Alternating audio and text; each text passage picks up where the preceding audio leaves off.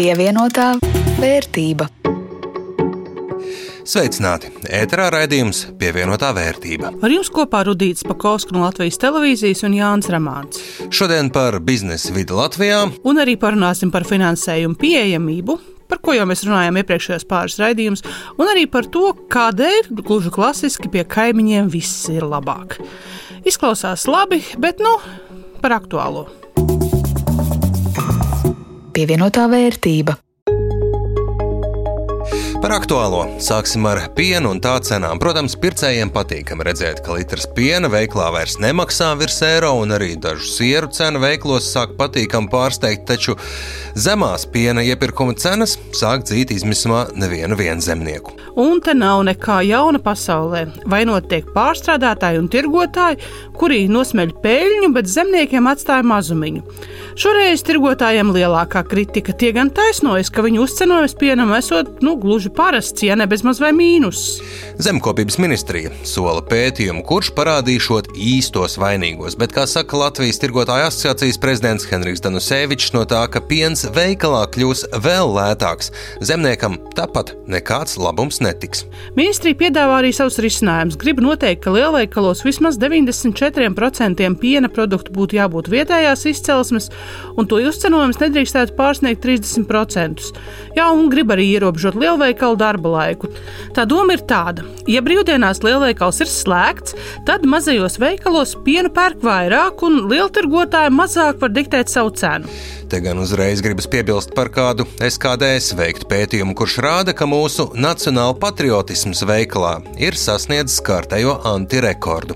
Kopumā vairs tikai 46% šķiet vairāk vai mazāk svarīgi iegādāties vietējās izcelsmes produktus, un vairs tikai 12% tas šķiet īpaši svarīgi. Bet to var saprast, jo tomēr lielākā daļa skatās pirmkārt uz cenu, un otrkārt, nu, pusim godīgi, diezgan maz ir palicis tādu vietējo nacionālo uzņēmumu, kur īpašnieki tāpat nav ārzemnieki. Bet atgriežoties pie piena, zemnieku organizācijas gaida kādu risinājumu un brīdina, ka gluži kā redzēts citur, pienu ārā neliešot, tomēr kūts mēslu gan viņiem nesot žēl, un tos varētu par brīvu piegādāt lielveikalu ķēdēm. Aizdītajā gadā 400 piena lopkopības saimniecības pārtrauca savu darbu. Janvārī piedzīvotais svaigi piena iepirkuma cenu kritums, nu, kas turpinās arī februārī, liek šo smago lēmumu pieņemt ar vien jaunām saimniecībām. Zemnieki saka, nu šobrīd ir tā, mazliet absurdi, ka ar vienkāršu graudu audzēšanu var nopelnīt labāk nekā ar piena lopkopību. Par absurdiem runājot, daudz ar tādu neticību skatās uz Eiropas parlamenta lēmumu no 2035. gada aizliegt iekšdedzes automobīļus. Eiropa šādi vēlas sasniegt klimata neutralitātes mērķus, paskubinot auto nozari attīstīties nulles izmešu transporta līdzekļu virzienā, lai Eiropas autobūves industrija piespiedu kārtā būtu pārmaiņu līderi pasaulē. Nu, ir gan skaidrs, ka visticamāk tāda tiešām būs nākotne, bet taisnība jau arī kritiķiem, tiem, kuri saka, ka nav prātīgi rūpnieciskās revolūcijas un attīstību virzīt un bīdīt ar administratīviem ierobežojumiem, jo piespiedu kārtā radītais vienmēr būs dārgāks un arī slinkāk un negribīgāk veidots un ieviests.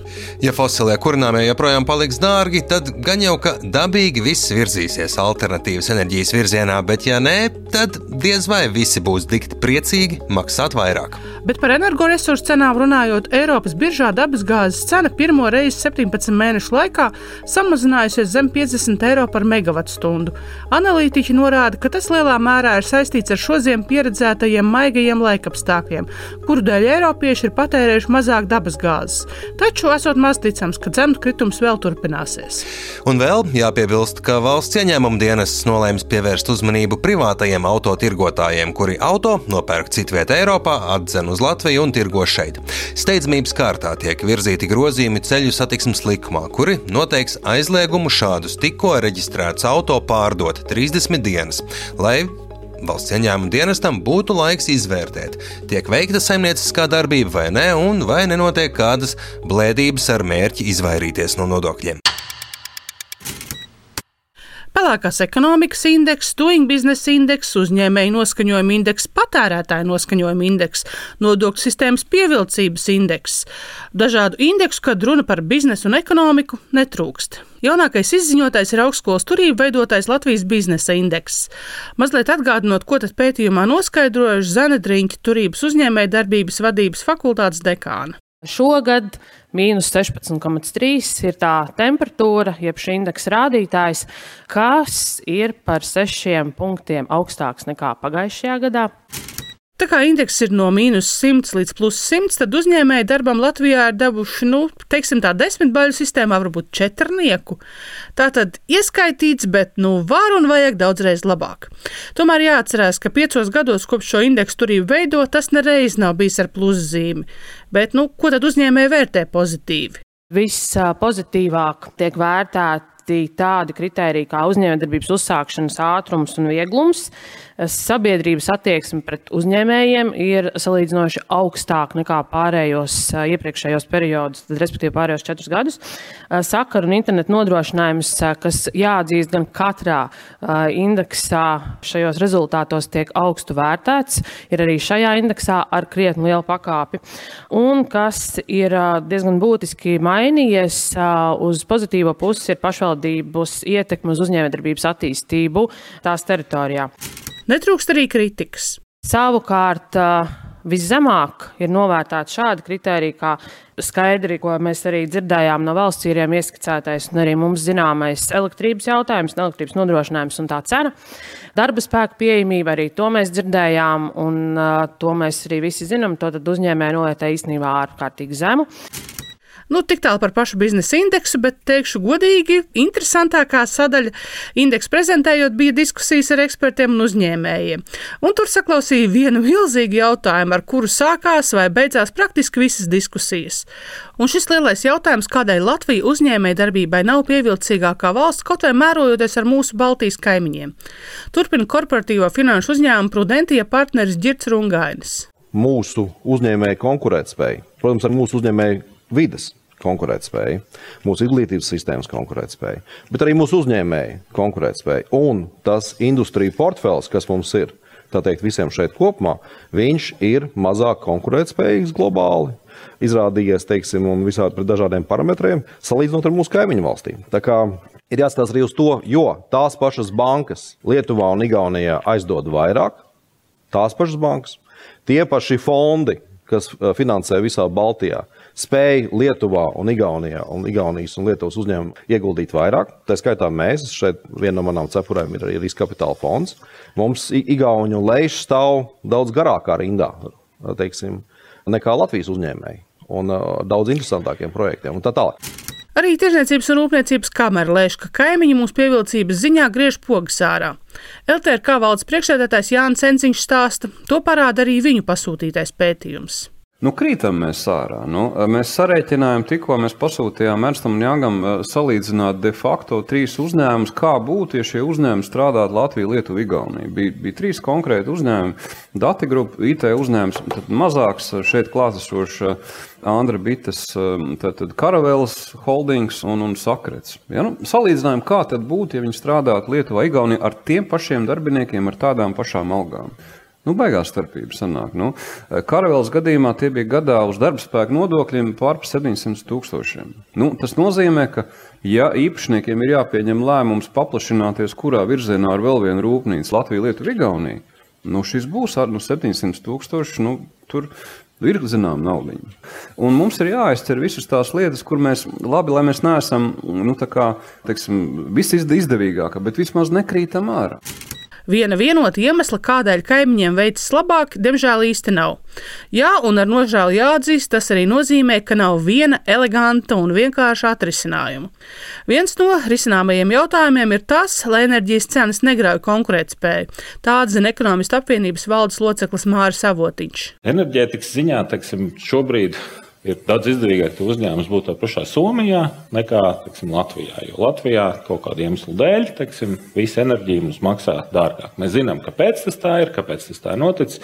Bet atkal, teiksim, šodien, teiksim, lai iet uz priekšu, nu, faktiski tagad nav jautājums, vai uzceļam to vai uzceļam šo, bet ir jābūt ilgtermiņa skatam, kā mēs ilgtermiņā enerģiju, ka tā būtu viens no mūsu konkurētas noteikti ne mīnusiem. Cerams, ka plusiem, bet nu, noteikti ne mīnusiem. Ko tas nozīmē? Atkal tagad droši vien Baltikovo domā likt savus paneļus. Droši vien ir vēl kaut kāda liela ražotāja, šodien pieminētie, tas pats Finieris, teiksim, kas arī droši vien domā, ko viņam darīt. Bet jautājums, teiksim, valsts no valsts puses noteikti tā būtu politika. Jo visas šīs investīcijas, ja tagad viss saliks paneļus un viss saliks vēja ģenerators un kāds vēl pakluso uzbūvēs atomstaciju, tad dienas beigās enerģijas būs pa daudz un, nevien, un mēs būsim ļoti neproduktīvi, teiksim, sainvestējuši visi. Nu, protams, kaitē arī tas, ka esam mazi, bet neesam vēl aptvēruši, ka iespējams jārīkojas nu, negluži tā kā līdz šim ierasts, un ka ne visi mazie uzņēmumi potenciāli izaugs par pasaules milžiem. Savu viedokli neslēpa Rungainis. Ja tas uh, uzņēmums ir mazs un uh, viņš atrodas vietā, kur nav viņam klientu faktiski. Viņš nesaprot, kā tikt klāt pie tiem lielāka klientu skaita, pie maksātspējīgākiem klientiem, kā radīt to preci, pakalpojumu vai piedzīvojumu, kā viņi pārdod. Jo tas Latvijas tirdziņš ir tāds nu, pilsētvalsts tirdziņš, ka, principā, ja tev daudz maz tā lieta iet, tu vienos divos soļos, tu, kas saka, tiec ārā. Vēl viens kāds zeķu adītājs, tamborētājs un tā tālāk. Ir jāsaprot, ka ar šiem mazajiem lokālajām lietiņām mēs nevaram turpināt darīt to, ko mēs gadu simteņiem esam darījuši. Staigāt ar iPhone un braukt uh, labās mašīnās un uh, Eh, infrastruktūrā un tā tālāk. Mums ir jādod preci, kur pasaulē vajag. Mēs esam maz atvērta ekonomika. Un par labu nenākot arī tas, ka mēs esam rāmi un piesardzīgi.